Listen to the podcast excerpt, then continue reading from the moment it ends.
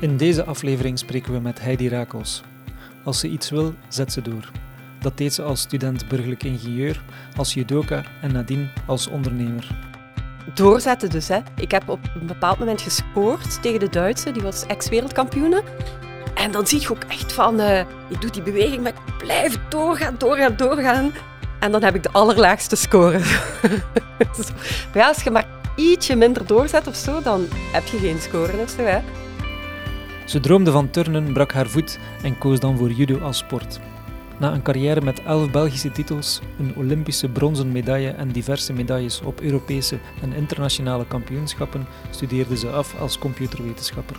Ze ging aan de slag als softwareingenieur en richtte enkele jaren later samen met haar partner het bedrijf GuardSquare op. Ja, ja, we hebben jaren, en ook, je moet dan denken, Erik is mijn partner ook, hè, allebei amper loon. En zelfs in ons eigen bedrijf geïnvesteerd. Hè. Dus mijn spaargeld zat letterlijk in mijn bedrijf. Dus als het misging, je ziet met corona, er kan van alles gebeuren met een bedrijf of zo. Hè. We hebben wel gesprongen. Uh, en dat is, het is een combinatie, maar je moet geluk hebben hoor. Heidi past wat ze noemt vrouwelijk leiderschap toe. Ze omringt zich met de beste mensen, viert successen collectief en stuurt het bedrijf richting succes. Ja, ik denk dat dat een beetje de vrouwelijke manier is. Ik weet niet, er zijn ongetwijfeld mannen die dat ook zo doen. Maar zo in uw bedrijf, zo gewoon op de achtergrond zijn en maken dat het gebeurt. En soms hebben werknemers daar wat moeite mee. Zelfs u kwetsbaar opstellen of zo. Zo zeggen, ja, dit is niet goed en dat is niet goed. Uh, soms willen mensen gewoon, uh, ja, zo het is allemaal fantastisch en het is goed. En, en zo de, de macho-dingen. Ik heb zelfs gemerkt dat werknemers dat zelfs soms willen. Maar de vrouwelijke manier is van oké, dit doen we goed en dat doen we niet goed. En uh, hoe kunnen we dat verbeteren? Ik hoef dat niet zelf te doen. En, en ook als het lukt, dat is de prestatie een beetje van iedereen. Zo. Na een periode van enorm hard werken neemt hij die bewustheid om los te laten. We zijn dankbaar dat ze de tijd maakte om haar inspirerend verhaal met ons te delen.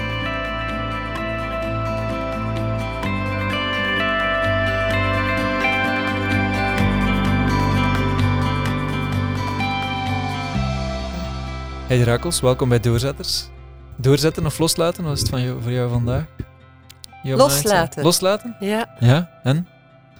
Genoeg doorgezet of uh, een specifieke reden waarom dat je loslaat? Wel, in het algemeen ben ik uh, nu in een periode van loslaten. Ik heb de vorige jaren hard gewerkt. Ja. Uh, maar ik ben vandaag toch gaan fietsen en ik heb gebeeldhouwd. Ja. Dus ik heb toch wel wat dingen gedaan. Ja. En in de tuin gewerkt, onkruid uitgetrokken. Dat is ook belangrijk. Hè? Want hoeveel jaar ben je nu aan het loslaten? Je zegt, je hebt hard gewerkt. Zeg je dan, ik heb de laatste maanden hard gewerkt? Of ik heb het laatste decennium hard gewerkt? Nee, um, ik ben een jaar geleden gestopt uh, bij Guard Square, het bedrijf waar ik werkte, dat ik heb opgericht. Uh, en daar heb ik uh, een vijftal jaren enorm hard gewerkt. Ja. ja. En de jaren daarvoor was ik software-ingenieur en dan werkte ik hard. Allee, was ik altijd doelgericht, maar ik bedoel, geen lange dagen. Gewoon, als gewerkt, werkt je gefocust. hard, gefocust inderdaad. Maar, uh, dus dat was uh, heel goed in balans. Maar dan, die jaren bij Guard Square, dat was wel een beetje uit balans.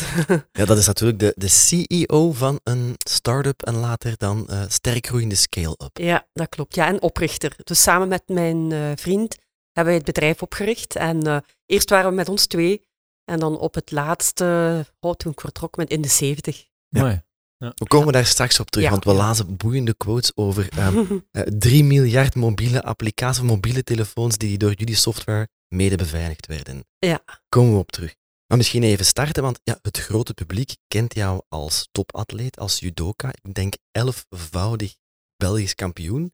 Um, brons op de Olympische Spelen, meermaals Olympische Spelen gedaan. Um, hoe ben je daarmee begonnen? Ja, dat was echt mijn passie. Hè. Van, uh, als klein kind was ik gewoon uh, sport, sport, sport. En ik, ik deed dan turnen en ik deed dat zo graag. Ik kijk trouwens nu nog altijd naar filmpjes van turnen. ik vind dat fantastisch. Ja. En, uh, en dus toen ik bijvoorbeeld acht jaar was, dan turnde ik natuurlijk al. En dan zag ik Nadia Comaneci op tv, die Ja. haalde tien op de balk eh, op de, in Montreal op de Olympische Spelen. En dan zei ik tegen mijn mama, ik ga ook naar de Olympische Spelen. En dan wilde ik al binnen vier jaar gaan. Oké. En mijn mama was, eh, was dan heel vriendelijk en zei, ja, eh, zeg dat toch maar niet op school, maar het is goed, het is goed. De Vlaamse bescheidenheid. Een kind dat zegt, ik ga naar de. Olympische Spelen Ja. en dan toch maar de ontgoocheling proberen tegen te gaan, in plaats van te zeggen, doen. Ja, ja, maar goed, ja, turnen. Ik was zo lang, dus ik zou nooit een turnen ergens geraakt zijn. En dus ik heb eigenlijk dan mijn voet gebroken en dan ben ik judo gaan doen. En daar, ja, dat, dat, dat ging dan een stuk beter, Dat was een geluk, bij een ongeluk eigenlijk. Ja, eigenlijk toch wel een ongeluk, want eh, ik heb nu wel heel veel last van die voet. Toch? Ah, ja, ja. enorm. Zo Dus- lang geleden, maar toch. eh, Ja, dus nu begin ik daar enorm veel... Dat, eh, dat kraakbeen is Ja. volledig weg. Ja. En dus eigenlijk, ik, ik heb een heel programma dat ik nu doe om te kunnen blijven die voet gebruiken. En anders moet, ik, moet die vastgezet worden of een prothese. Ja. Maar met voeten, daar zijn ze niet zo goed in. Dus Amai. En Ja. heeft eh, de judosport daar dan een impact op gehad? dat vraag ik me eigenlijk af. Eh, dat weet ik niet. Misschien onderzocht. is dat daardoor toch nog. Die, ja, ik heb op eigenlijk een voet die zwaar gekwetst was. Ja. Jaren topsport gedaan. Ja? En zou dat daardoor verder gesleten zijn? Maar wat je ook merkt, is eigenlijk... eh, mijn voet is enorm beginnen achteruit te gaan toen ik niks deed. Dus toen met Ah ja, bedrijf, guardsquare, Ja, dan ja. bewoog ik niet meer. En dan begint dat vast te zitten. Dus Ja. topsporters die, die hebben soms ja, heel slechte gewrichten, maar omdat dat, ze blijven dat gebruiken en ze hebben wel wat pijn. Ja. Maar ja, ze zetten daardoor. Hè. Topsporter heeft altijd pijn, hè? Ja. Een, Ja, beetje, ja, een beetje de move to cure gedachte. Ja. Eh, en eh, stilzitten is het Ja. nieuwe roken. Ja, ja en dus, dus nu ga ik eh, echt ehm, eh, wandelen ehm, en ik probeer dat nu zelfs op te bouwen eh, om, om die voet dus terug beter te krijgen. Oké. Ja. Ja. We lazen ergens, jij hebt burgerlijk ingenieur computerwetenschappen gestudeerd. Ja. Ergens gestart midden de jaren tachtig. Ten Ja. tijde van de Commodores. Ja. En, en de andere, ja, de, de 086 was nog Ja, niet ja, geboren, ja, denk ik. Hoe kom je daarbij uit? Wel, ehm, toen ik dus in de middelbare school zat, toen heb ik zitten zagen thuis voor een computer en ik kreeg dat niet. Dus ja, ik was ook een meisje. En mijn mama dacht waarschijnlijk ook van dat is zo'n bevlieging. Maar dat, ja, dat zou zeker geen bevlieging zijn geweest, maar ik heb dat dus niet gekregen. Eh, dus ja, ik wist van niks. maar bijvoorbeeld mijn vriend, ja, die had, dat, die had zo'n computer en heeft zelfs al spelletjes geschreven toen hij op de middelbare school zat. Hoe ver stond computing op dat moment? Ehm, ja, toen wij studeerden, toen begon dat zo de Apple, de, de Macintosh, hè? dat is toen we bestudeerden. Ehm, en toen ik op de eerste kans zat, kregen wij programmeren en wij waren het eerste, keer, eh, eerste jaar dat ze geen ponskaarten meer moesten gebruiken. Oh, dat is al Heerlijk. Heerlijk, ja.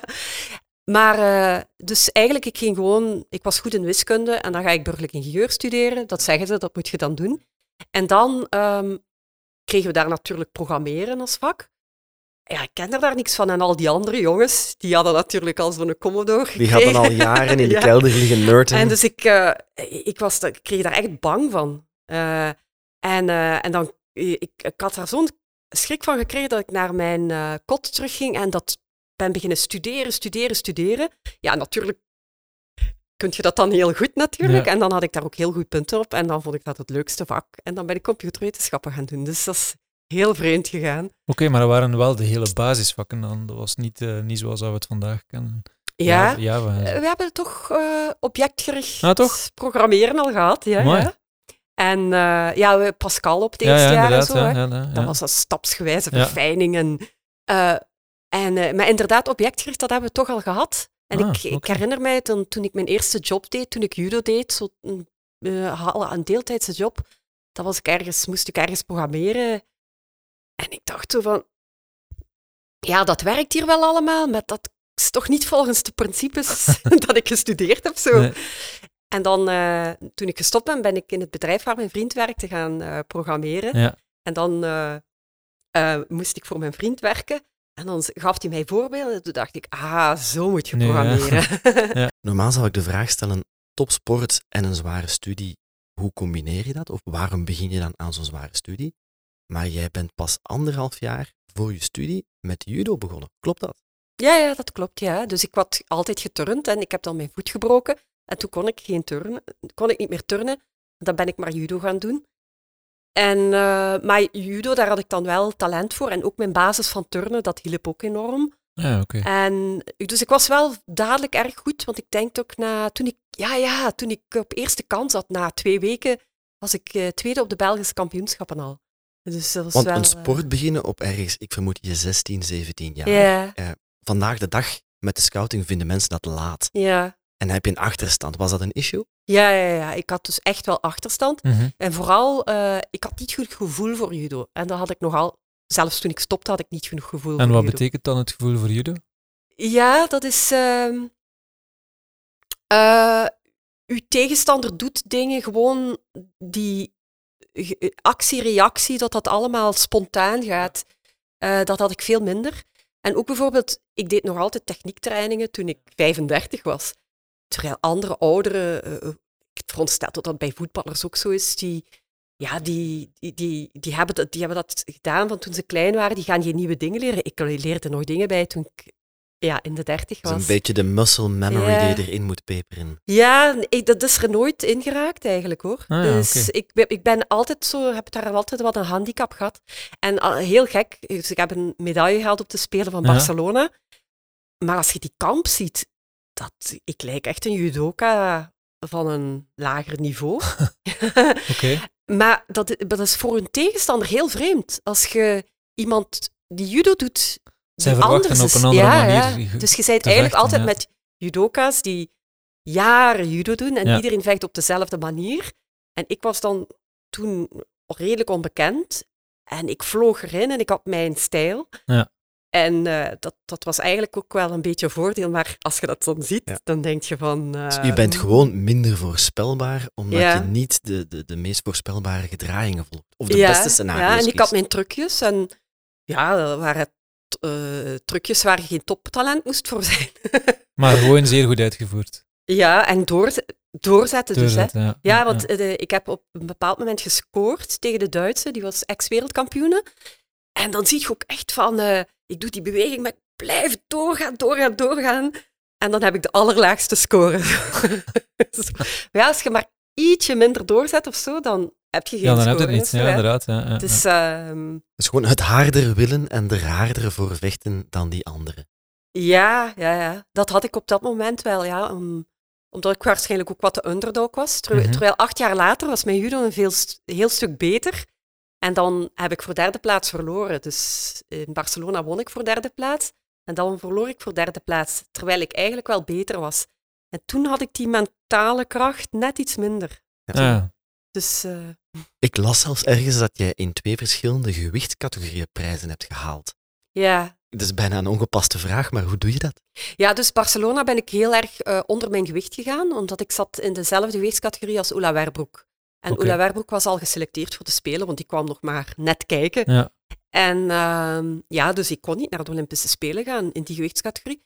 En toen was ik op training in Japan en ik zat daar... Ja, ik was toen heel goed in vorm eigenlijk. En ik gooide echt met meisjes in, van de gewichtscategorie lager, maar die medailles... Eén was Olympisch kampioene en de andere was eh, derde op het WK. En ik gooide daar maar mee. En ik dacht, ma... Ja. En toen dacht ik, oh, ik ga gewoon naar de gewichtscategorie lager. Eh, maar lager, dan, moet- want dan moet jij toch ook lichter wegen, of woog je ja, ja, daarvoor ja, ook dan al moest lichter? ik vermageren, hè. Ja. Nee, nee, ik, ik woog een... Ik zat in de min 72 kilo en dan woog ik zo... Ik denk dat ik toen in Japan woog ik zelfs 77, maar was ik wel wat dikker zo. Maar 72 kilo, dat was zo... Dan had ik 12% vet, dat voor een vrouw, is niet topsportster, niet veel is. Nee. Ja, en dan moest ik nog 6 kilo daaraf. Ja. Dus eh, dat is dan natuurlijk wel vocht en zo. En dat is even op dat moment, zijt je zo licht. Want je moet je gewoon wegen voor de kamp. Ja, Ja. en daarna kun je eten. En ik had in Barcelona ook heel veel geluk. 's morgens om 7 uur was weging en de wedstrijden begonnen s'avonds om 5 uur. Maar dan had je nog een halsdag spelen. Ja, maar soms heb je 's morgens om 7 uur weging en om 9 uur beginnen de wedstrijden. Ja. Voor iemand die dan ja, zo heeft moeten diëten, is dat een gigantisch verschil. Dus Ja, ik had Dus zo er kon nog drie geluk. kilo water eh, en ja, andere krachtvoer bij. Dat was zo, inderdaad. Ja, ja. Heerlijk. Hoe is dat gelopen als student? Je hebt, vandaag heb je heel veel topsportstatuten en mogelijkheden. Ik las dat jij je volledige studie hebt afgewerkt en met een klein beetje vertraging je thesis. Hoe heb je beide gecombineerd? Ja, dus toen ik begon met mijn studies was ik gewoon student, want ik, ja, ik, ik was net eh, de eerste weken dat ik tweede werd op het Belgisch kampioenschap. Tegen Ingrid Bergmans trouwens. Oké. Ja, ja, ja, dat was heel Ik leuk. ben ook een kind van de jaren tachtig, dat blijft toch Ja. een legendarische naam. Ja, ja, dat was ongelooflijk. Zo, je, je doet nog maar anderhalf jaar judo, je, je mocht naar het Belgisch kampioenschap, je bent zo blij. En dan haalt je de finale en moet je tegen Ingrid Bergmans. En dan kom je natuurlijk op tv, want Ingrid Ja. Bergmans komt op tv. en dan s- dan kom je op tv hoe je gegooid wordt. Zo. Ja. En, ehm, maar dus, ja, dus dan ben ik... Ik was eigenlijk echt student, hè. En, en dus eh, ik, ik studeerde ook wel hard en ik maakte veel samenvattingen. En ik had mijn vrienden in Leuven.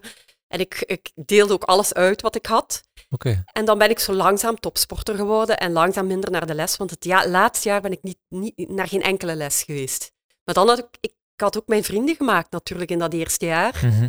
Eh, en ik ben dan langzaam topsporter geworden. Maar die vrienden die hebben mij altijd verder geholpen. Want soms is dat een probleem voor topsporters. Hè. Die zijn niet echt student. Nee. Maar ja, je hebt toch contact met studenten nodig. En om, ja, notities, Ja, ja, eh, informatie. Toen was er nog geen notities eh, Nee. Ah, ja. Ehm, ja, ik weet niet hoe dat nu is, maar... En ook het remote leren dat we vandaag kennen, het afstandsonderwijs, Ah, toen werd er ook waarschijnlijk niet gestreamd en, en niet gevideocapteerd. Dus eh, nee. je moest een, een, een onderlijnde cursus of notas hebben.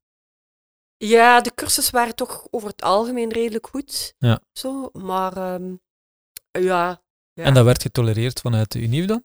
Dat je niet aanwezig was en dat je... ik deed dat gewoon eigenlijk. ja. Maar ik weet op het laatste jaar dat er eens een prof toen, die was heel kwaad op mij. En dan ben ik, was ik weer enorm bang, ben ik naar huis gefietst en beginnen studeren voor zijn vak. En dan had ik een triple A op zijn vak.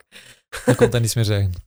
Ja, ja. Ik, eh, en dan had hij zich toch geïnformeerd en dan eh had ze wel gezegd dat ik sport deed. En ik was toen universitair wereldkampioen, dus ik denk dat hij toen wel was bijgedraaid. Maar ondertussen had ik dan het geluk dat ik het gestudeerd had. Of, of hij was bang geworden eh, Ja. nadat hij al die titels zag. Ja, ik had wel goed gestudeerd. ik had mijn triple denk ik wel verdiend. Want je studeert nog af met eh, grote of eh, grootste onderscheiding? Nee, ik had eigenlijk het percentage voor groot, grote onderscheiding. Maar mijn thesis was heel slecht. Wij- En dan, want ik heb mijn thesis naderhand gedaan. Hè. Ik had dat eigenlijk niet moeten doen. Had dat direct aansluitend met... Doorzetten. Ja, ja, dus nu, ik heb daar medelijden mee. Die mensen die zo, die topsporters, die zo jaren moeten studeren en alles maar mogen uitstellen. Allee, ik, ben, ik weet dat zelf, vanaf dat je iets mocht uitstellen, gaat je dat, uitstellen. Ja. En dat is juist het vervelende aan student zijn. Ja, op een bepaald moment zijn je examens daar en je zult moeten. En dan, en dan studeert je, ik weet niet hoe hard, maar je zet door. En dus, eh, dus eigenlijk was dat een geluk, want er, op de VUB was dat al, hè, dat je topsport en studie mocht combineren. En ehm, ik ben dan toch naar Leuven gegaan en gelukkig, ge- echt een geluk voor mij. En ik heb dan alleen mijn thesis kunnen uitstellen, want toen begonnen ze dan in Leuven daar ook bij, mee. En dat had ik zelfs niet moeten doen. Want heb je ooit gedacht, nu ga ik moeten kiezen, het een of het ander, of ga ik het een toch belangrijker, meer prioriteit geven? Ja, eh, mijn ouders, dat was studeren. eh, dus het was geen keuze. Je moet studeren en je mocht gerust sporten, maar je moet studeren. Eerst een diploma. Ja, inderdaad. En Ja. ze- eigenlijk heeft ze gelijk. Ik ben heel, heel blij dat ik die studies heb gedaan. Ook. En eh, ik had dan ook nog een beetje zitten nadenken, zou ik niet top, eh eh, sportcode doen of zo? En ik ben zo blij dat ik ja, toch iets met mijn hoofd heb gedaan. Want stel je voor dat ik nu nog moest lichamelijke opvoeding geven met mijn, met mijn slechte voet. Zo. Ja. Ja. Nee. Er zijn toch ook twee totaal verschillende werelden. De sport aan de ene kant, wiskunde aan de andere kant. Ja, maar dat, dat is zo leuk. Dat Ah, is ja. zo leuk eraan, ja. Ja, ja, ja. ja dat is zo een beetje de nerdy wereld en ik hou daar wel van. Ja. Ja, ik vind dat heel Ja. leuke mensen. Kijk je mannenwereld ook. Kijk, naar, naar de wielrenners wou ik zeggen. Eh, je hebt Dylan Groenewegen, dacht ik, eh, maar ook ehm, de Duitser, de sprinter, die allebei gestopt zijn omdat ze in het wielrennen intellectueel gewoon niet bevredigd waren. En zeiden, ik ga, de ene studeert economie in Zwitserland, dacht ik, enzovoort. Lijkt me lastig. Ja, inderdaad. Ja. Maar ook een, eh, judo is ook een, eh, en de wiskunde is ook een mannenwereld. Was dat iets waar je bij stil stond op dat moment? Nee, ik, was, ik stond daar totaal nooit bij stil. Ook niet toen ik werkte. Nee. Ik zit in een wat mannenwereld, maar ik had niet het gevoel van, ja, ik ben een vrouw of... Nee. Ik, ik, als, ik, ik was daar niet mee bezig. Ja. Ik denk het, vanaf het moment dat je daarmee bezig bent, dat je jezelf een beetje achteruit zet ook. Ja. Je moet daar gewoon... Ik was eigenlijk wat naïef, want ik denk dat je echt wel bijvoorbeeld minder verdient en van die zaken, dat er echt wel verschillen zijn. Ja. Maar het feit dat ik eh, dat niet wist en daarin naïef was en dat niet geloofde, men had mij dat ook niet gezegd of zo. Dus eh, was ik daar niet mee bezig. En Ja. nee, ik vond het heel leuk. Ik vond het een hele leuke wereld. Dus eigenlijk, eh, eh, ja, de sportwereld vond ik eerlijk gezegd een minder leuke wereld. Ah ja, dat is waarom? echt, eh, macho-wereld. Toch? Ja. ja. en ik ben echt qua karakter, ik heb echt een ander karakter. Mij, ze noemden mij de Einzelganger, Ja. dus ik ben redelijk introvert. Ja. En eh, to- toen, toen noemden ze mij zelfs eens introvert en dan dacht ik dat dat een scheldwoord was. En nu, ja, als je een MBTI-test doet, zo'n types, dan, eh, ja, ik ben heel, heel sterk introvert. ja. Ja, ja.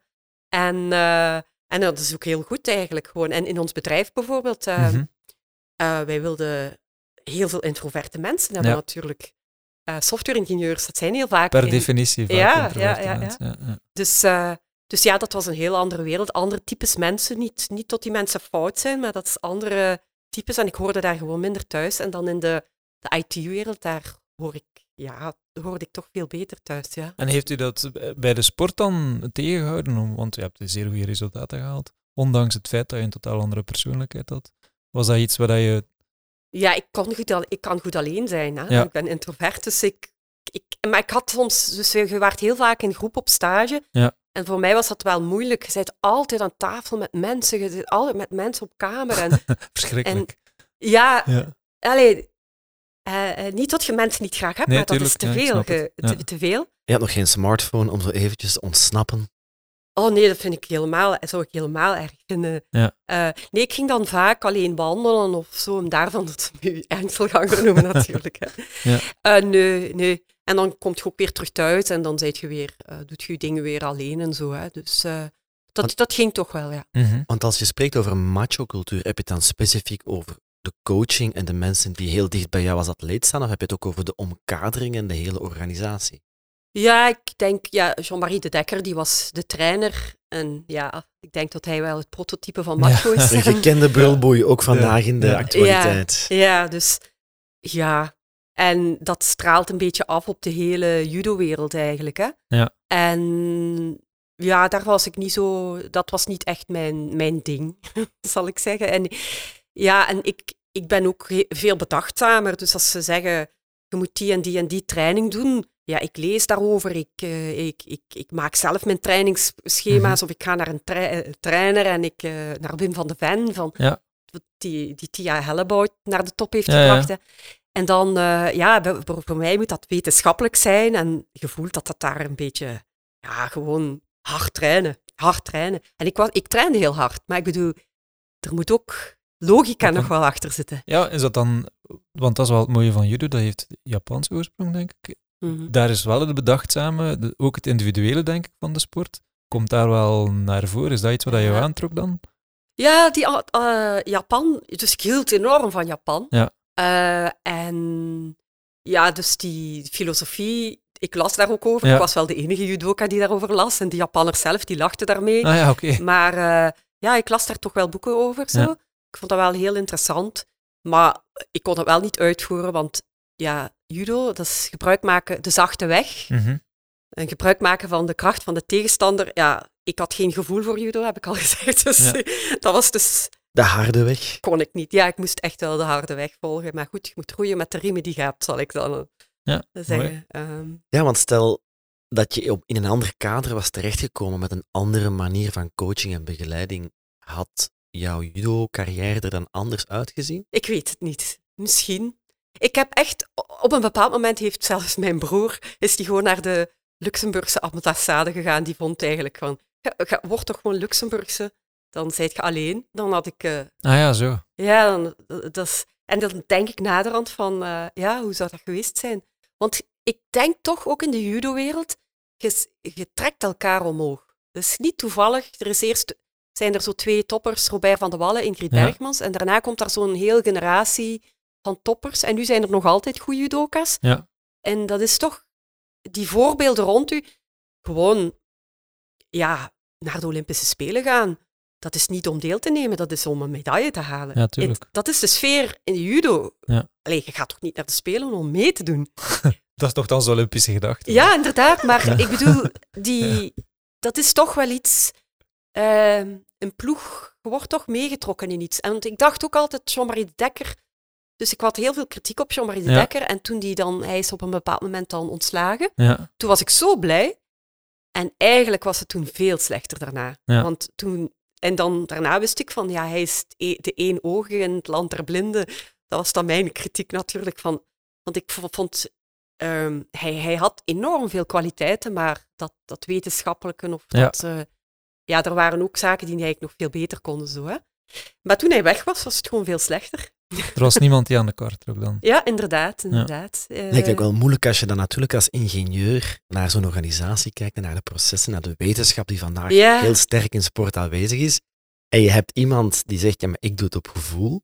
Ik doe dit al zo lang, aanvaard mijn autoriteit. Ja. dat is moeilijk, zeker als, als jongere persoon, als atleet onder zo'n coach. Hoe ga je daarmee om? Ja, bijvoorbeeld wat echt gebeurt is zo voor het spelen van Sydney. Dus je gaat uh, Allee, dat was tenminste in de jaren negentig en zo. Mhm. Je gaat op hoogtestage. Je komt drie weken voor je, je top moet zijn, komt je naar huis. Want na je hoogtestage, dan zijt je eerst moe. En dan na drie weken heb je zo je top. Ja. En dat had ik ook echt gevoeld. Dus in Barcelona hadden wij dat gedaan, tot drie weken ervoor. Hoogtestage, keihard trainen.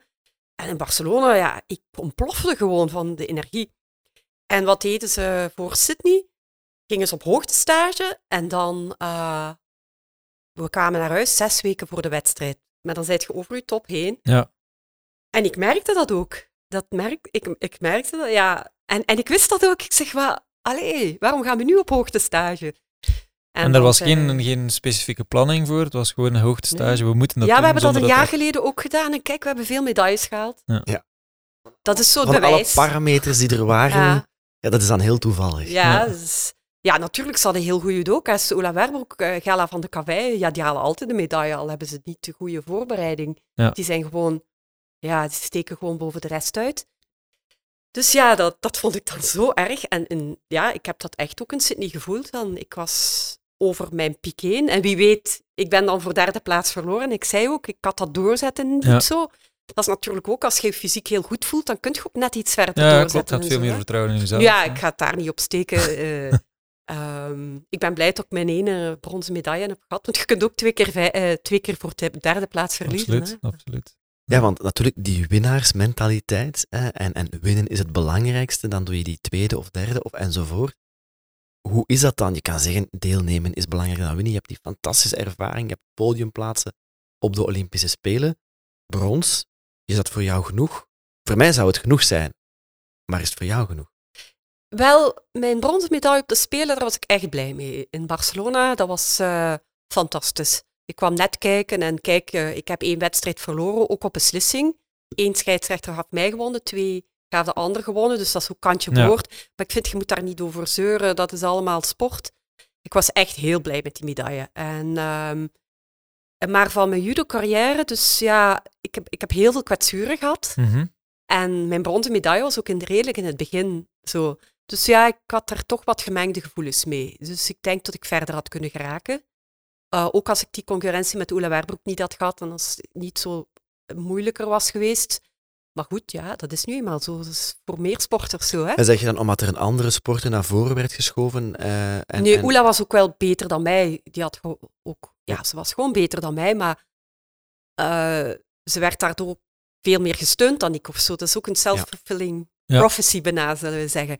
Maar uh, ja, als, als judoka wilt jij gewoon dezelfde kansen krijgen. En ik had ook een Olympische medaille gehaald, dus ik had ook bewezen dat ik wel het, het wel waard was of zo. Maar allee, dat maakt nu ook niet zoveel meer uit eigenlijk. Uh, maar ergens keek ik toch wel terug van uh, dat ik toch dingen had laten liggen. Niet dat het... Ik, ik, zal zeker zelf fouten hebben gemaakt, maar mm. ook omstandigheden, alles. Ja, misschien dat tikkeltje geluk. Mensen zeggen zo, ja, je hebt een tikkeltje geluk nodig. En sport heb ik mijn geluk gehad met de Spelen in Barcelona. Mm -hmm. Maar heb ik ook wel mijn tegenslagen Tegenslag, zo wat gehad. Ja. Hè? De kwetsuren, ja. ook, ook soms een scheidsrechter die gewoon... Ik gooide een tegenstander en gaf gewoon de, de score aan de ander. Ja, dat is natuurlijk... Ja. ja, dat is niet op beslissing winnen. Dat is niet kantje boord verliezen. Dat was gewoon duidelijk. Ik ben gewoon... Ik gooi. Of zo van die dingen. Um, en dat vond ik juist in het bedrijf andersom. Uh, uh, in het bedrijf ook, gewerkt hard, je doet alles. En ja, dat is dan, wordt dan een groot succes. En Erik en ik, wij zeggen altijd, ja, maar wij hebben geluk gehad. en in welke zin dan? Ja, gewoon, je zit op het juiste moment in de juiste sector. Ja. Je, ja, dat is het. Alle puzzelstukken zo, Ja, samen. inderdaad. En je kunt het zo goed doen. Je zo- kunt zo'n fantastisch product hebben. Het bedrijf, we hebben met ons tweeën in een bedrijfje geïnvesteerd. Ja. XYZT. Ja. Ja, eerlijk gezegd, ik vind dat die dat veel beter doen dan wij, Erik, dan Erik en ik. Ja, Maar gaan zij zo succesvol worden als wij? Ik denk het wel. Maar je zult toch een tikkeltje geluk nodig hebben. Moet, Ja, ja, inderdaad, ja. Ja. en de omstandigheden toen waren Ja. denk ik ook anders dan toen, eh, toen jullie starten en nu. Ik denk dat er nu heel veel concurrentie is. Van, ja, dat past bij ons ook wel. Ja, ja, ja, ja. Ja, we spraken recent Pieter Jan Bouden van Showpad. Ja. En die hebben een, met drie een, na de netlogperiode Ja. elkaar daar leren Ja. kennen. Dan een agentschap in mobile opgezet met een, een eerste eigen product, Showpad. Ja, die, die, waren, die zijn op het juiste moment gesprongen. Ze hadden de juiste voorbereiding, ze hebben elkaar ontmoet, maar ze hebben ook wel durven springen en een visie gehad. Dus ik denk inderdaad, er speelt altijd wel een tikje geluk bij, maar je moet natuurlijk met de juiste bagage klaarzitten en dan durven. ja. Was dat voor jullie een, een twijfelmoment? Of hoe, ben je, hoe heb je die stap naar ondernemen gezet? Ja, dus eh, mijn vriend had eigenlijk een gratis, eh, een open source project, een Mhm. gratis softwareprogrammaatje, dat heel populair was. En hij, wij kregen altijd, of hij kreeg altijd vragen voor uitbreidingen.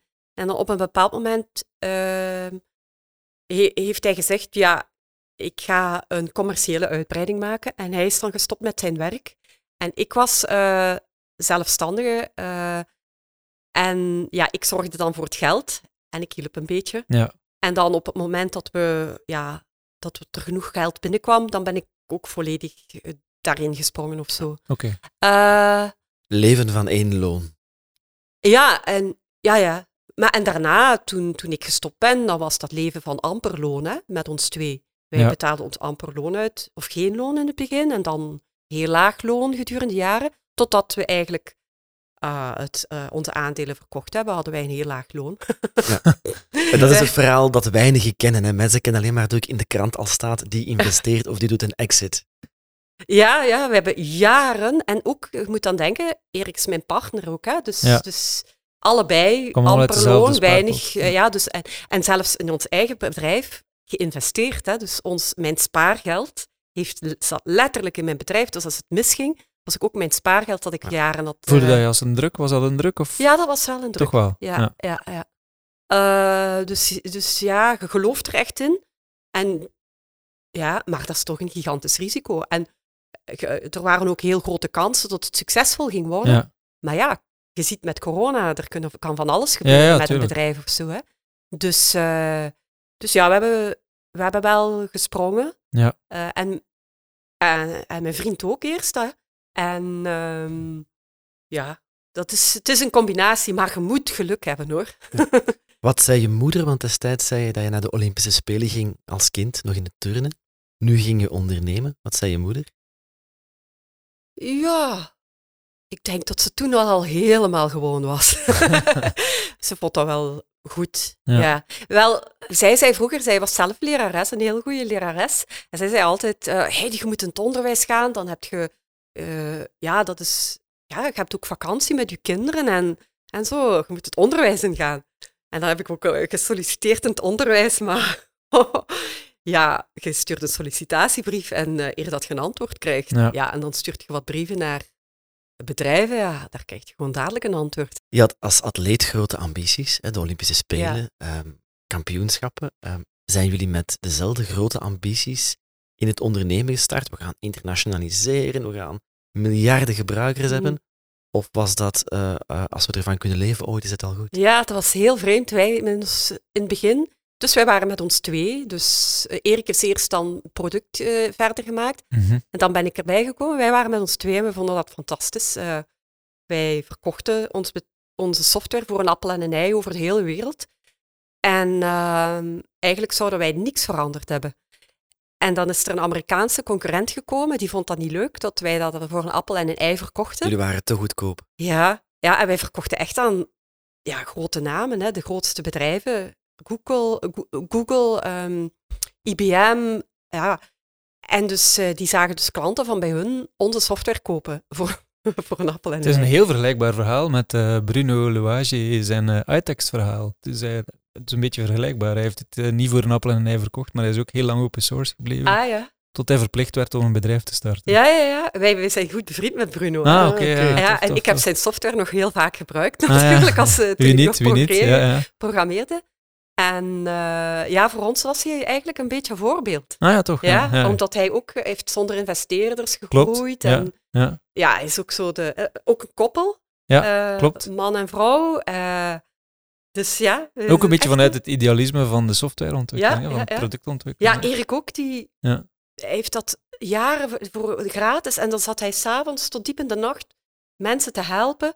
En ook toen wij in het begin ons bedrijf hadden, de, het grootste koffiebedrijf zo van de wereld, die eh, hadden een release de volgende dag. En Erik die werkte de hele dag, nacht door om hun te helpen. Maar ja, het probleem zat niet bij ons, dat zat bij hun. Maar En heeft er iemand dan ooit tegen jullie moeten zeggen, begin er eens geld voor te vragen? Of heb je dat zelf gedaan? Ja, we hebben dus die Amerikaanse concurrent, die heeft ons dan aangevallen met een patentaanval.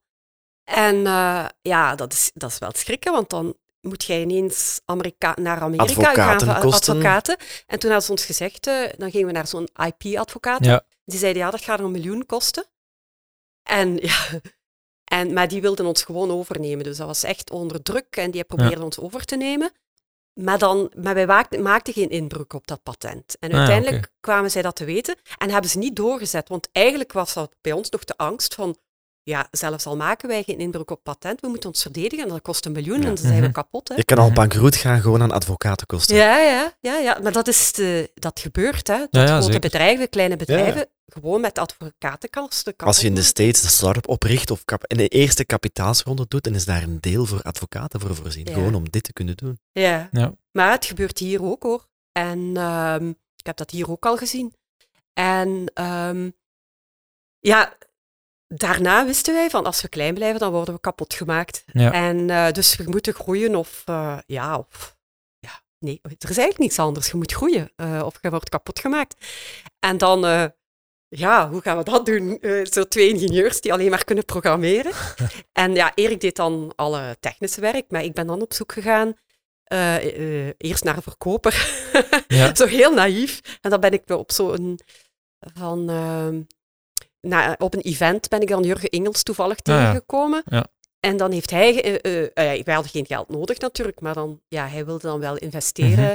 En dan heeft hij wel heel veel, hij heeft het niet gedaan, maar hij heeft ons enorm, ja, heeft mij, ja, in het begin heb ik daar zoveel contact mee gehad. Eh, hoe moet ik dit doen? Wat moet ik doen? Wat moet ik dit? Ja, en dan het eerste wat hij zei, ja, uw prijzen verhogen natuurlijk, hè. En ook dadelijk een, een licentie. Wij hadden ook een perpetual license. Dus Ja. als je onze software koopt, heb je hem voor eeuwig. Zo van die... Was Inclusief dus de updates. Nee, dat Ja. niet. Oké. Eh, voor één jaar heb je de updates, maar Ja. oké, echt, je hebt dan banken hè, die jaren blijven werken met die oude software. Ja. Hè? Dus Ja. wij dachten dat ook, die banken die gaan dan de laatste versie. Echt niet. Dus toen we dat wij dan begonnen met onze jaarlijkse licentie, daar waren echt banken die misschien nog pas na vier jaar of zo, uiteindelijk kochten ze dan een licentie. En had je dan eh, iemand nodig die dat ging gaan vertellen bij de banken? Een sales die dan het verhaal Ja, dus, ging doen? dus dan zijn we ja, dan, dan, eh, ja, een bedrijf bouwen. Dat is Ja. niet alleen. We hadden eigenlijk al een fa- fantastisch product. Ja. Eh, Erik had wel vertrokken van dat open source dat al heel goed was, Mhm. getest was. En eh, we hadden een fantastisch product, maar dan zijn wij als bedrijf ook moeten, een bedrijf moeten worden, marketing, sales, Ja. al die zaken. En eh, dat was een heel leerproces. En daar was wel het goede dat ik wel eh, wist van, ja, ik weet er niks van. Mhm. En dat ik dan luisterde naar die paar mensen, gelijk een Jurgen, die Ja. dan heel veel ervaring heeft en dat ook echt weten. En Ja. dat, dat dan ook wil delen en toch Ja. zijn tijd Ja. ervoor neemt. Ja. Want hoe gaat dat als introverte programmeur hier met twee misschien aan de keukentafel, Ja. maar plotseling Ja. Mensen die niet meer in de code zitten, maar een bedrijf leiden, sturen, recruteren, verkopen, ja. cijfers, hoe maak je die groei mee? Ja, zelf, eh, zelf als persoon moet je dan heel veel bijleren en allemaal andere zaken doen, dan dit doen, dan dat doen. En, en maar wat ik heel goed heb gedaan is, eh, op een bepaald moment dacht ik altijd van waar ben ik nu goed in? Eh, dus je weet, in je bedrijf, Erik is goed in dat, die is goed in dat. Ja. En ik, eh, ik, Ik ben baas overbodig, En ja.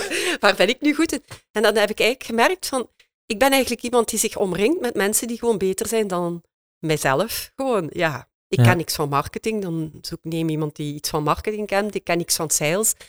En dan heb je het probleem dat je natuurlijk is heel moeilijk om te evalueren, is die persoon nu ook echt goed of niet goed? Want Ja. daar komen mensen solliciteren die wel zeggen dat ze het heel goed kunnen. Die Elke heel- verkoper is een topverkoper Ja, natuurlijk.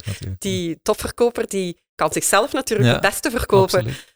En eh, dus daar maar hebben wij ook fouten dan wel mee gemaakt. Maar Mhm. wat ik dan ook wel goed deed, was eh, ik kon heel goed delegeren van eh, oké, dus ik luisterde en ik delegeerde. Ik, ik wist heel goed van die mensen die weten dat beter, maar ik controleerde wel van Mhm. allee, het moet wel goed zijn. En, en als ik al ervaring had met dingen, of, of ook, je hebt, ik, we hadden dan bijvoorbeeld zo eens ooit salesmensen die, of, die komen bij ons. En ja, ons product werd wel aan een ingenieur verkocht. En als je hoort dat hij een taal praat waar je als ingenieur van walgt, zo, ja. Ja, zo echte salestaal, maar eh, Ja. ja, dan, zeg, dan weet je van dit kan. eh, En dan zeg je dat tegen die persoon. Als die daar niet verandert, dan weet je van dit, dit kan niet. Allee, je moet je, gezond Ja. verstand wel ook gebruiken. Hè? Dus dat is zo de middenweg die je moet wat volgen. Van, je omringt je met mensen met heel veel ervaring, maar je moet dan toch altijd checken, ja, maar is dat bij ons ook wel waar? En hoe kunnen wij dat doen en zo? En dat, dat was wel, denk ik, wat, wat ik dan wel goed heb gedaan. Zo. En ben je dan iemand die buikgevoel volgt? Of heb je dan een kader met parameters om te zeggen, die Ja, ik- persoon scoort zoveel? Ik kende de cijfers zo, maar mij, on- dus algemene cijfers van boekhouding, daar wist ik niks van. Of eh, die kreeg ik dan van Jurgen en zo. Mhm. Eh, maar zo de cijfers die voor ons echt belangrijk waren, die, die volgde ik op de voet. En ik had mijn programmaatjes. Dus Ja. dan eh, begon ik ook te programmeren. Ja, ja, ja. Ik, eh, oh, het, het zag er niet mooi uit. Maar het, eh, ik had een programma, ik duwde op mijn de knop en dat eh, gaf alle cijfers. Verleden, van alle, op alle manieren dat ik het wilde hebben. Ja. Veel beter dan om het even welke ERP. dus ja, en eh, natuurlijk alleen voor mij werkbaar. Hè? Tuurlijk, ja. En dus je moet uiteindelijk een ERP hebben. Maar eh, ja, dus, dus ik was eigenlijk... Ik, ik zat daar zo diep allemaal in.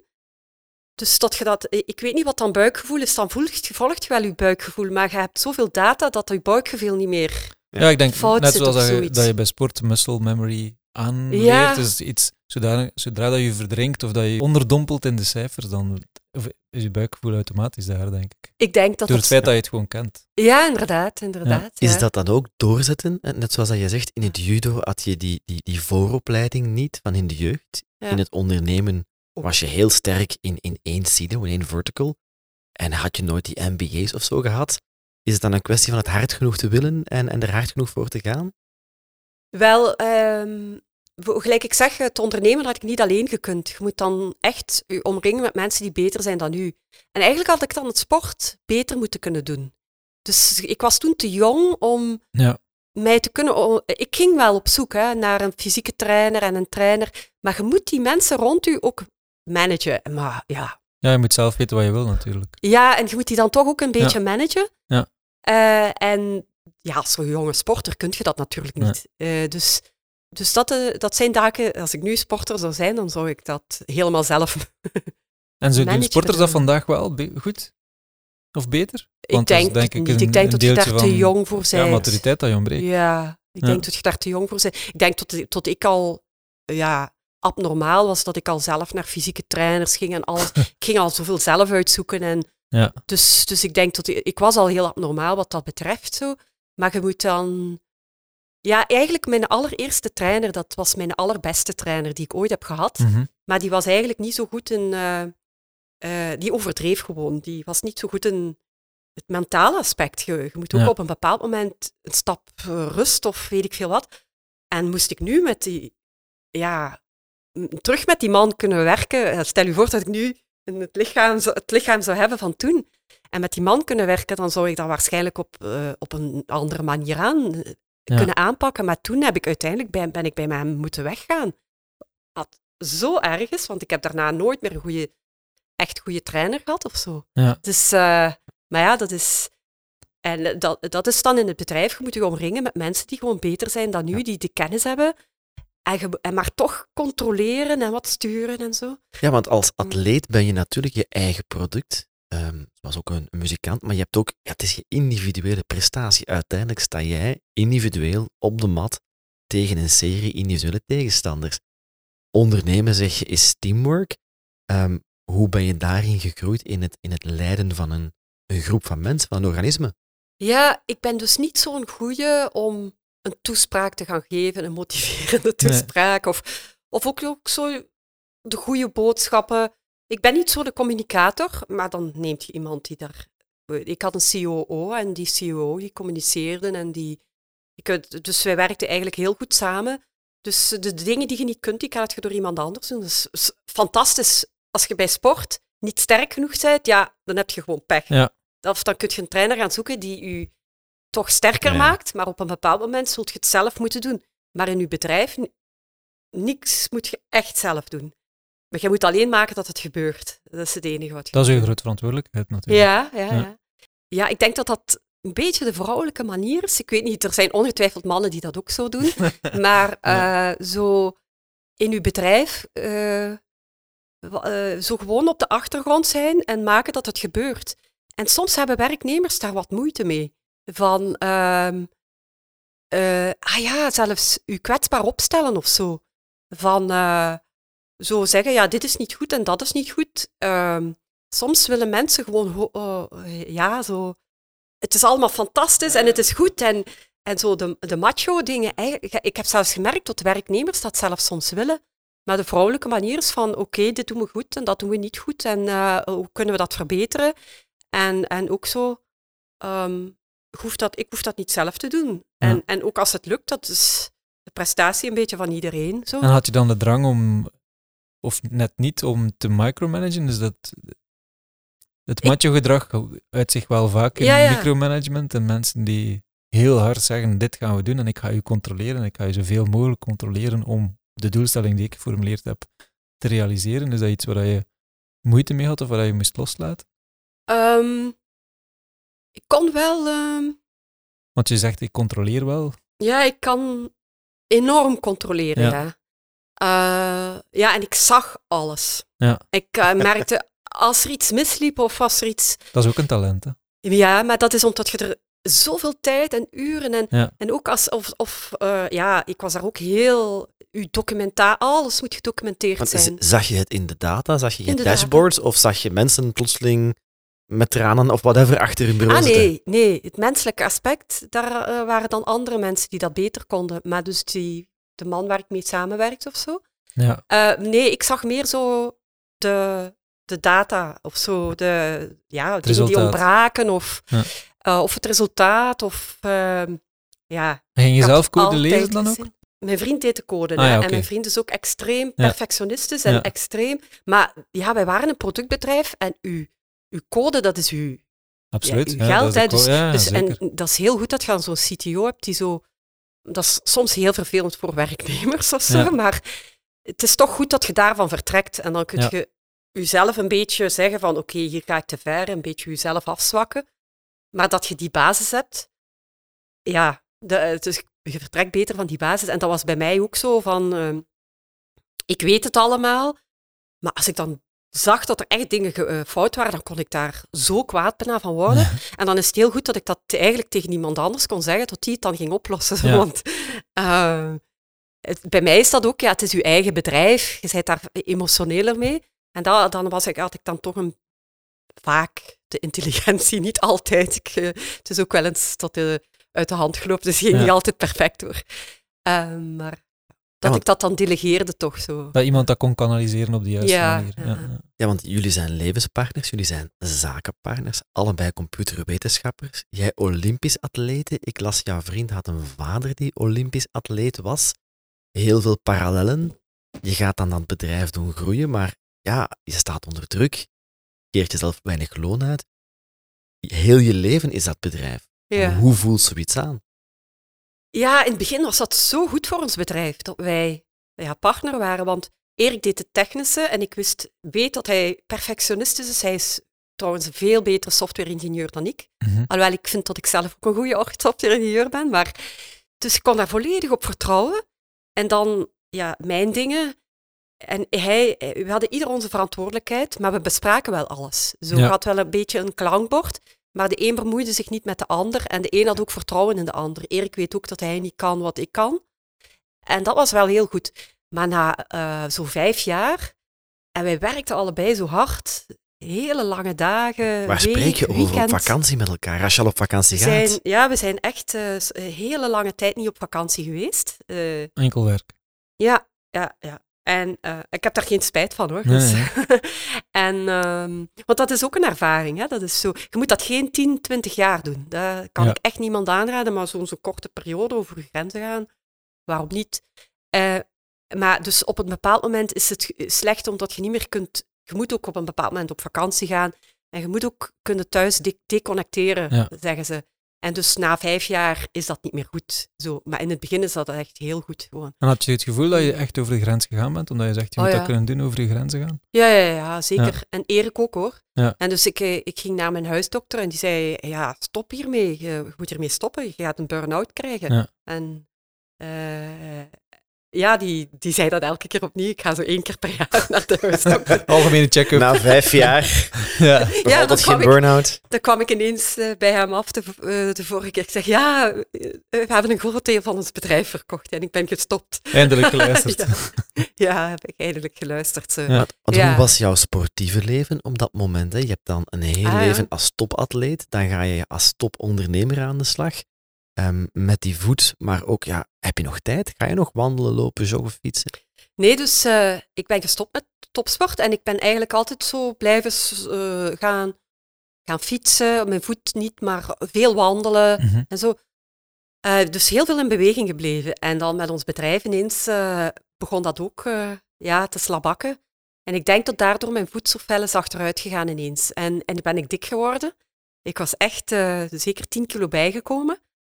En, Of, eh, dat valt nog mee, maar ik snap, als ja, atleet die nee, maar- altijd naar vetmarges gekeken heeft. Ja, maar dus toen ik gestopt was met sport, ehm, was ik zo'n beetje boven mijn gewicht. Maar dan nog 10 kilo erbij en ik was toch wel te dik. Zo. Ja. is niet meer en, leuk. eh, en ook voor mijn voet. Dus Ja, dat is die, zware belasting. eh, de- dat- die, die kilo's meedragen, Ja. die, die steunen altijd op die voet. Dus eh, nee, dat was slecht voor mijn lichaam. Dus eh, het was echt eh, focus op het bedrijf en niks anders zo. Ja, gelukkig hadden we geen kinderen. En je kon dat loslaten, het eh, lichamelijk aspect. Het Ja. feit dat je lichamelijk... Want als topsporter is je lichaam het belangrijkste instrument. Ja, als ik zo ineens een focus heb voor iets, dan ga ik daarvoor.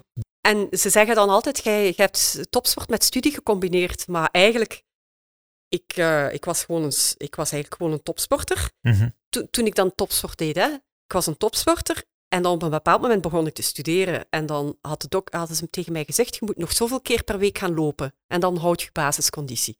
En dan, dan studeerde ik, studeerde ik, totdat de examens voorbij waren. En dan begon ik weer te trainen. Dus eigenlijk heb ik niet topsport en studie Nee. echt gecombineerd. Dat was niet zo- afgewisseld. ja, ja want eh, gelijk zo'n Anne Simons, die begon op eerste kan en dat was, die ging op stage en die had daar cursussen bij. Ik had ook mijn cursussen bij, maar ik studeerde. Ja, dat is niet studeren. Nee. Ik, weet- ik, ik weet niet, ik heb zo'n focus en als ik het dan heb, dan ga ik daarvoor. En op dit moment heb ik het ook weer niet meer. Hè? Dus Ja. nu doe ik allemaal leuke dingen of zaken, maar ik ga nu niet over mijn grens gaan of zo. En dat mag ook niet, hè. je moet dat niet je hele leven doen of zoiets. Hè? En ben je nu op zoek naar een ander doel? Nee, nog niet, nee. Maar dat komt wel. Geen idee, dat is niet nodig. Ah ja, oké. Ehm, want gelijk zo, toen ik bijvoorbeeld eh, software-ingenieur was, dus ik ben gestopt met topsport, en dan was ik software-ingenieur en ik was echt heel, eh, ik wilde echt een heel goede software-ingenieur zijn. Ik studeerde bij Mhm, en ik, mhm. ik programmeerde en zo, maar dat was nu niet van... Daarna dan ging ik sporten, deed ik mijn ander, dus ik had eigenlijk zo'n evenwichtig leven. Ja. Ehm, maar ik denk, als je zo ineens ergens weer ingezogen wordt, dan ver- begint het weer of zo. En dat mag op dit moment niet. Ik moet eerst ook nog recupereren. Ja, Eventjes de tijd nemen. ja, ja. Want nu zijn jullie in een traject van ehm, investeren inge- ingestapt, of jullie investeren vandaag in een bedrijf. Ah ja, ja, ja. Eh, Is dat een bepaald pad waarvan dat je zegt, oké, dat is de volgende mogelijke stap, daar zou wel een keer een nieuwe focus van kunnen komen? Nee, nee, Nee. dat is...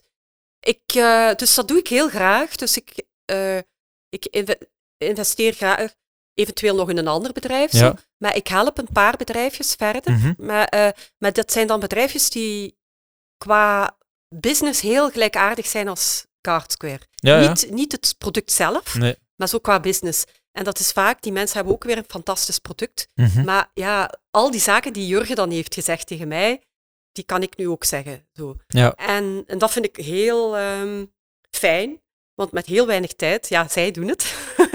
dus ik hoef Maar je geeft de kennis wel door Maar ik natuurlijk, geef het wat heel, allemaal heel door. veel waarde is. hè. Ja, ja, ja. Ik, en ook, eh, dus ik krijg heel vaak mensen die mij dingen vragen en, en ik probeer zoveel mogelijk te geven en ik probeer niet eh, te nemen. Zo, ik vind eigenlijk, ik heb heel veel gekregen. Ik, ik heb ook gezegd van, ik heb echt veel geluk gehad. Ja. En ik, eh, ik gun die mensen dat ook en ik wil, allee, ik probeer alles wat ik heb te geven. Ja, ik vind het wel mooi. Ik heb ooit van een, eh, een coach gehoord, eh, die zei van, je hebt eigenlijk in je carrière drie fases. De eerste fase waar dat je heel hard investeert in jezelf. De Ah. tweede fase waar dat je hetgeen wat je geïnvesteerd hebt in jezelf voor een stuk geeft aan het bedrijf waarin dat je werkt of de si- situatie waarin dat je zit. Je geeft er ook heel, veel- heel hard voor. En dan de derde fase is eigenlijk al hetgeen wat je geleerd hebt van jezelf, van productie, productief zijn, geef je terug aan mensen die aan het begin van de ketting staan. Ja. En dat is eigenlijk de meest, eh, de meest voldoeninggevende manier om een carrière af te sluiten. Ja, ja, ik vind dat echt heel leuk. Ja. En ik doe dat ook alleen maar aan bedrijven die dus heel gelijkaardig zijn, waar ik echt Tuurlijk. heel veel meewaar- meewaarde heb. En, eh, en dan vind ik ook dat ik dat goed doe. Om, door het feit dat dat gelijkaardige Mhm. bedrijven zijn, kan ik die ook heel goed helpen. En dan vind ik dat heel leuk. En dat doe ik als, eh, en als er zich zo meer aandienen, doe ik dat meer. En je, scout die zelf of mensen komen nee, naar ze jou? komen naar mij. Dus ik scout totaal niet. Ze komen maar naar mij. Ja. Want destijds als sporter had je dan een coach. En je hebt het daar straks over gehad. eh, sommige dingen konden beter. Ja. Hè? En als je toen wist wat je nu weet, ben jij vandaag dan de coach voor die ander?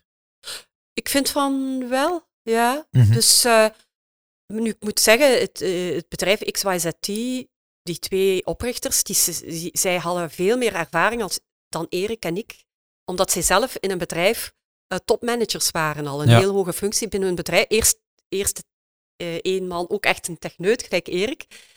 En, maar zij hebben al in hun bedrijfsleven, in het bedrijfsleven al veel meer ervaring opgedaan. En Erik en ik, als we dan zo'n boardmeeting hebben, dan zeggen wij altijd van, ja, dat is- die zijn gewoon veel beter dan wij. Ja. en, en wij zeggen dat dan ook tegen hun. Ik weet niet of ze dat geloven. Ehm, ja. En en- kan je die mensen dan nog iets leren? ja, maar ik kan dus heel veel. Zij hebben heel veel ervaring over ehm, in, een, een groot bedrijf. Ja. Maar eh, wat is het pricingmodel van hun product? Wat, eh, allemaal van die kleine zaken. Als, eh, vooral nu, de, de, die bedrijven die piepklein zijn, die, die, geen, die geen geld hebben, die, Mhm. eh, maar die al iets heel, een heel mooi product hebben. En die moeten dan hun, over hun pricingmodel, over resellers, contracten. eh, waar vind ik een advocaat? Waar vind ik dit? Eh, welke verzekeringen moet ik hebben? Allemaal de kleinste dingen. Ja. Zo. Maar dus waar ik dan het pricingmodel, al, al die zaken, die, als dat allemaal zo gelijkaardig is, gelijk ons bedrijf, ja, dan kun je daar het meeste helpen. Hè? Ja, dingen waar jullie al over nagedacht hebben, misschien over gevallen zijn ooit, ja, ja. ja. Die, ja, die je kan doorgeven. ja, ja, ja, ja. Tof. Je hebt een intense periode lang gewerkt. Ja. Ehm, Je bent er dan uit kunnen stappen op een toffe manier, op een goede manier. Hoe was die overgang? Was het tijd om te stoppen? Was je ermee klaar? Je zegt, ik ga niet meteen springen naar het volgende. Ja, ik ben dus eh, echt gestopt omwille van ziekte. Ja. Dus, eh, dus ja, het was echt genoeg geweest. Ja. Ehm, maar dus op dat moment eh, waren wij niet meer de hoofdaandeelhouder, Erik en ik. En ehm, eh, dus ja, eh, ik ben eigenlijk nog altijd wel aan het recupereren. Dus, ja. de- en daarom, ik doe nu heel veel met mijn handen. Mhm. Dus ik, ehm, eh, ja, ik, ik doe aan beeldhouden, maar ook ja, om te even wat epoxy gieten, Ja. zelfs breien en zo. En ik werk ook heel veel in de tuin dus. Zo, dus ik ben heel veel met mijn handen bezig en veel buiten. En is dat op dezelfde methodische manier, of mer- of merk je dat daar op een andere manier mee bezig Nee, bent? nee. Ik, en, en wat ik ook hier nu heb, ik zet niet door. Ah ja, oké. dus, en ik Genoeg vind het ook oké. doorgezet. Ja, en Ja. dat is helemaal oké. Ja. Dat is wat ik zeg. Ik kan alleen doorzetten als ik iets echt wil. Ja. En, en, want altijd zeggen mensen tegen mij, je hebt karakter. En ik denk, eh, ik heb alleen karakter voor een Als paar dingen, als ik Ja. het echt wil. Ja. Bijvoorbeeld beeldhouden nu. Hè? Ja, Dus ik, vorige zomer heb ik, eh, ik, ik volgde ook zo wat les en, en heb ik heel veel zitten beeldhouden. En dan eh, stopte het, ook met corona, denk ik. ja. En dan, uh, ik hier thuis. Maar dan valt je stil. Omdat er ergens, ja, je weet niet goed hoe je verder moet. En dan val ik stil. Ja. En dan heb ik maanden niet gebeeldhouwd. Terwijl als je een doorzetter bent, dan valt je stil en dan beginnen we morgen opnieuw of binnen een week opnieuw. Uh, maar ik vind dat nu oké. En dus uh, deze week was dan terug les. En dan ga ik naar de les en dan, ah, dan kun je daar overal door. Dat, die dingen waar je dan van stop ja. gevallen waart, daar gaat je dan door. Zo. Maar, en dat vind ik wel oké, want waarom zou ik... Je... hebt niet de drang om uh, iets te presteren met beeldhouden. Nee. maar was, ja, was er een prestatiedrang? Was er een soort van competitiedrang? Waarom ja. dat je de judo Oh deed ja, ik was toch? zo competitief. Ja, Ah, ja. echt waar. Ik was en- extreem competitief. Maar het goede is dat ik dat wel helemaal verloren ben. Ah. Dus ik kan En waar dus ben je het kwijtgeraakt? Eh, eigenlijk al toen ik judo deed en veel te vroeg. Ja. Ehm, dus ik was eh, een hele competitieve. Ik ging wel niet over lijken. Dat, ik ben, dat ben, ik ben Nee. niet iemand die over lijken gaat, maar ik ben wel heel competitief. Of doping nemen kan ik daardoor ook niet. Nee. Eh, maar ergens ben ik al redelijk snel beginnen nadenken, na Barcelona al. En zo Denken is zo slecht. Nadenken, voor een Nadenken topsporter, dat is gevaarlijk. Denken is heel slecht. slecht. Want eh, Ja. heel veel topsporters, hè, die hebben zo naïeve gedacht. Ja. En dat is goed, hè. Want ik, heb, eh, van, ik ben gewoon de beste. Ik ben de beste van de wereld. Ik ben beter dan de rest van de wereld. Ja. En zo. En- ja, dat is een gedachte bij mij gewoon. Ja, ik vind dat zo'n belachelijke gedachte. Maar dat is zo'n gedachte die zo goed is Je hebt, eigenlijk. je hebt die het echt helpt. nodig om te... Ja, om- Ja, wat, wat een gesprek met Philippe Roggen, die had het eh, op dezelfde manier ook. Ja, Die zelf zei van, ja, oké, op een bepaald moment had ik niet ja. het idee van mezelf dat ik de beste was. En dat was misschien Maar niet de meest competitieve zet. Ja, ja, ja, Ja. Als ondernemer vind ik het dan weer wel een gevaarlijke gedachte, want dan vaar je eigenlijk blind. Als je continu klopt. denkt, ik ben de beste, Ja, ja. ja, Dan zie je geen risico's. Hè. dan zie je geen risico's, Ja, dan zie je je eigen fouten en beperkingen niet meer. Ah ja. Ja, eigenlijk, ik heb dus eigenlijk een. ehm, maar dus dat competitief heb ik dan al laten vallen. Mhm. Maar als ik dan toch mijn doel heb, dan kan ik weer daar toch voor gaan. Ja. En dan komt dat competitieve wel weer terug, zo wat. Hè. Wat ik als ondernemer had, en ook als judoka, ik had niet genoeg zelfvertrouwen. Ik was eigenlijk, ik twijfelde heel erg aan mezelf. Ik ben dus echt perfectionistisch. ja, En vaak perfectionisme, dat komt eigenlijk uit een gebrek aan zelfvertrouwen. En, ehm, maar ja, ik had toch wel genoeg vertrouwen. Want ik heb zo wel eens een perfectionisme-test laten doen en dan komt het er toch ah, ja wat. oké, dat bestaat. Ja, en dan kwam ik er toch uit van, ja, maar... Allee, dan stellen ze ook zo van die vragen. eh durft, je, durft je dit of durft je dat? Ja, natuurlijk durf ik dat. Eh, Ja, Dus ik heb toch een heel groot, op sommige gebieden een heel groot zelfvertrouwen. ja. Maar ik heb zo in, eh, meer, het is altijd, het is nooit goed genoeg. Mhm. Maar als in een bedrijf is dan een heel goede gedachte, hè? het is niet goed genoeg. Nee, het kan altijd beter. hè. Ja, ja dus, dus ik, dat was eigenlijk zo. Maar bij mij uitte zich dat, en dus werknemers voelen dat ook zo van, dat ik niet zo, ah nee, dat is niet goed genoeg. En Ja. dan, zij denken dat ik een gebrek aan zelfvertrouwen heb, maar dat is eigenlijk, ik zoek altijd, ja maar nee, dat kan beter, dat kan beter, dat kan beter. Zo. Ja. Dat is natuurlijk een uitdaging van iemand die zegt, ja, dit is mijn bedrijf, ik ben aandeelhouder, ik kies ervoor om ervoor te gaan. En iemand die zegt, ja, ik ben hier medewerker, ik sta hier op de payroll, ik wil dit heel goed doen, maar ja, jouw normen en de mijne, en er komt een weekend aan. Ja, maar ik bedoel, ik, was, ik, ben, ik ben strenger naar mezelf dan naar mijn werknemers. Ah, oké. hoor. Ja. Dus dat was niet, ik ben niet, ehm, ik, eh, ja, ik, daar, daar, daar kan ik een goed verschil tussen maken. Want zo, ja, waarom zou ik kunnen eisen van mensen dat die overuren gaan doen? Ja, of ik, ik wel, ja. Het is mijn bedrijf, maar waarom moeten die mensen dat doen voor mij? Nee, dat, Mhm. dat kon er bij mij ook niet in. Juist gelijk zo, als topsporter van, eh, ik ben de beste van Ja. de wereld, ja, daar waren ze van die gedachten. Nee, dat vind ik ook niet. Nee. Want En- had, ja, zeg maar. had je dan als ondernemer nog een mental coach? Had je iemand die jou hielp om het hoofd gezond te Eh, houden? Ik heb een paar boeken gelezen. Ehm, dus eh, een, een paar heel goede boeken gelezen. Dus, hè. En dan eigenlijk, ja, eh, pff, ja Jurgen eh, hielp dan met het bedrijf zelf. En dan ben ik ook wel ehm, nog eens een cursus voor ondernemers in Nederland gaan volgen. Mhm.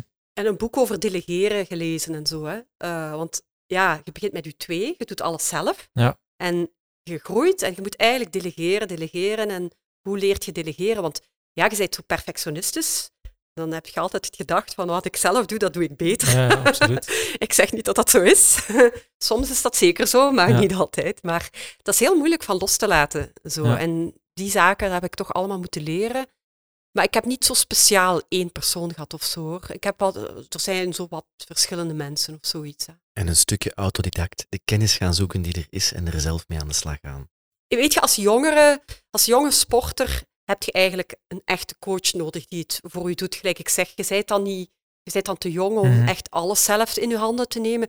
Maar als je ouder wordt, ja, dat kan u toch niet dat ik een coach ga hebben die, die tegen mij gaat zeggen, hij die nu dit en nu dat. Ja. Je moet iemand hebben waar je mee eh, een klankbord of zo. Mhm. Maar ik vind dat je zelfs verschillende klankborden moet hebben, want je hebt het klankbord Jurgen, die, die qua op het gebied van het bedrijf, maar je hebt een klankbord iemand die veel van marketing kent. Je hebt, eh, dus ik weet niet, dat, zijn, dat worden in plaats van één coach, worden er dat er heel veel eigenlijk. Een soort van persoonlijke raad van bestuur. Ja, dat zou een raad van bestuur inderdaad moeten zijn, of een raad van advies. Hè. Ja, ja inderdaad. Ja. Ja. Want je sprak dan daar straks over kwetsbaarheid en ik leer meer en meer dat kwetsbaarheid een kracht is. Ja. Dus ja, openstaan voor feedback, liefst constructieve kritiek, is ook Ja. een vorm van kwetsbaarheid. Stond je daarvoor open? Was je als ondernemer coachable? Ja, ja, ja, ja. Dus dat is, ehm, ja, dat, dat is soms het gevaar eh, van jonge ondernemers. Ehm, die zijn in, in een gebied heel goed. Qua, op technisch gebied zijn ze heel goed, Mhm. maar zo oneindig koppig. en, en, Het wordt soms als een zeer goede eigenschap ja, maar dat is dus heel goed. Hè. Ja, dat, koppig is heel goed. Maar er zijn zaken, sales en marketing en al die zaken, die, die, je kunt niet in alles goed zijn. Nee. En, en dan moet je toch echt je omringen met mensen die beter zijn dan u. En dus ik heb dat echt gedaan. Dat, ik vind dat dat coachable zijn. Hè. Dus echt van... ehm, ehm, ja, ik- eh, en dat kwam dan bijna vanuit mijn gebrek aan zelfvertrouwen. Ja, zeg het mij, zeg het mij, zeg het mij. Maar dan toch een beetje al geleerd van...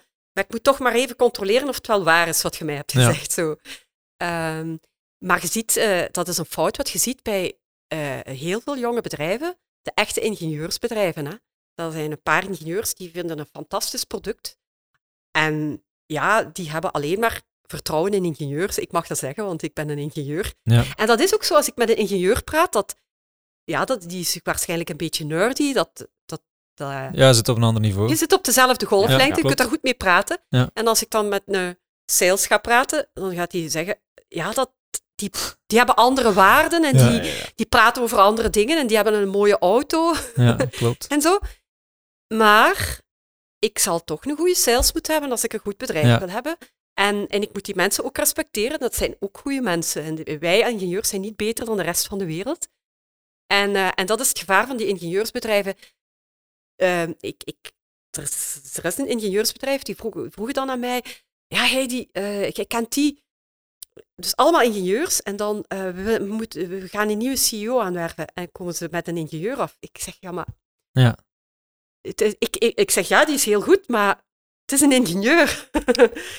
Eh, Monocultuur, gebrek aan diversiteit, ook puur Ja. in persoonlijkheden en rollen en, en Ja. opleidingen. Ja, ja, ja, ja. Ja, je moet. eh, ehm, ja, wij deden ook ons best om zoveel mogelijk vrouwen in ons bedrijf te hebben, maar dat is zo moeilijk in een, in een technologiebedrijf. Hè? Was je daar be- bewust mee bezig? Ja, eigenlijk wel. Ah, ja. Ja, ja, Ja. ja. maar dus eh, er kwam zelfs geen ingenieur solliciteren, amper. Wat, wij ook, wat ik, ik ook in het begin deed, want ik had in het begin dan, ja, wij verko- verkochten onze software over de hele wereld. En ik, ik word eh, iemand aan in Ja. sales, maar die zijn Engels was niet goed genoeg. Oei. Oei. En dus dan deed ik uiteindelijk, eh, ja, ook test ik of iemand Engels kan of Ja. zo, hè, van die dingen. En screenden jullie op persoonlijkheid ook? Wanneer dat iemand eh recruteerde? ja, tuurlijk. Ja, Ja. ja, ja, absoluut. Goeie Dus het is test, niet maar alleen- persoonlijkheid niet complementair. Ja, Dat zou ook een dealbreaker geweest ja, zijn. ja, ja, absoluut. Ja, ja. Dus Als mensen echt voor loon komen of zo, Ja. dat is altijd, dat mag totaal. De verkeerde motivatie. Dus je, je moet, eh, mensen moeten altijd de juiste motivatie hebben. Dat heb ik wel gemerkt, ja. ja. Ja, zeker als jullie zelf voor een stuk, eh, ay, voor een stuk het product vanuit een, st- een stuk idealisme wellicht gebouwd hebben, het idee dat je, dat je een goed product bouwt, dan Ja. is het raar dat je dan iemand zou aanwerven die alleen maar voor ja, de, pay, eh, de paycheck op het einde van de maand komt natuurlijk. Ja, maar dat is, dat is moeilijk, want je wilt ook mensen, je wilt eigenlijk de beste mensen en je wilt ze ook heel goed betalen. Ja. Dus je moet daar heel goed proberen die balans te houden van, van, ehm, van dat je, ehm, ja, dat je, dat je niet het, ja, de verke- het verkeerde, de de Ja. verkeerde motivaties gaat creëren. Ja. Een organisatie van louter idealisten lijkt me ook niet ideaal. Dat is de universiteit, nee? Of een VZW. Dat is VZ2, ja. Als je terugkijkt, ik las ergens een quote van jou die zegt in het Engels: Enjoy each moment to the fullest. Ja, amai. Misschien heeft iemand dat in jouw mond gelegd. Ja, dat, eh, nee, dat... Leven in het moment. Ja, ik, ik, ehm, dat, dat is ook zo, hè. Maar Heb, eigenlijk... je er, heb je ervan genoten, is dan de vraag. Ehm, ik vond het, eh, dus, de rol, eh, eh, dus het bedrijfsleven, dat was echt een rollercoaster. Maar ik vind dat, je maakt zoveel mee. Ja, dat is ongelooflijk. En er zijn hele leuke momenten bij en er zijn echt verschrikkelijke Ja, verschrikkelijke momenten. Maar in het moment leven, als je aan het programmeren bent, dat is in het moment leven. Dus, Dat is flow, hè? Ja, ja dus ik, ik programmeerde heel graag. En dat is het moment leven. En dus dat heb ik, had ik ook wel als ik in een bedrijf gezet met dingen bezig en heel geconcentreerd. En dan zei je het moment. Maar het was toch wel eh, een rollercoaster. En ook wel om, ehm, omdat je eraan begint met zo weinig kennis. Dus Ja. Erik en ik waren echt ingenieurs die alleen geprogrammeerd hadden, terwijl die, de mensen waar in, van het bedrijf waar wij in investeren, die staan toch een paar stapjes verder.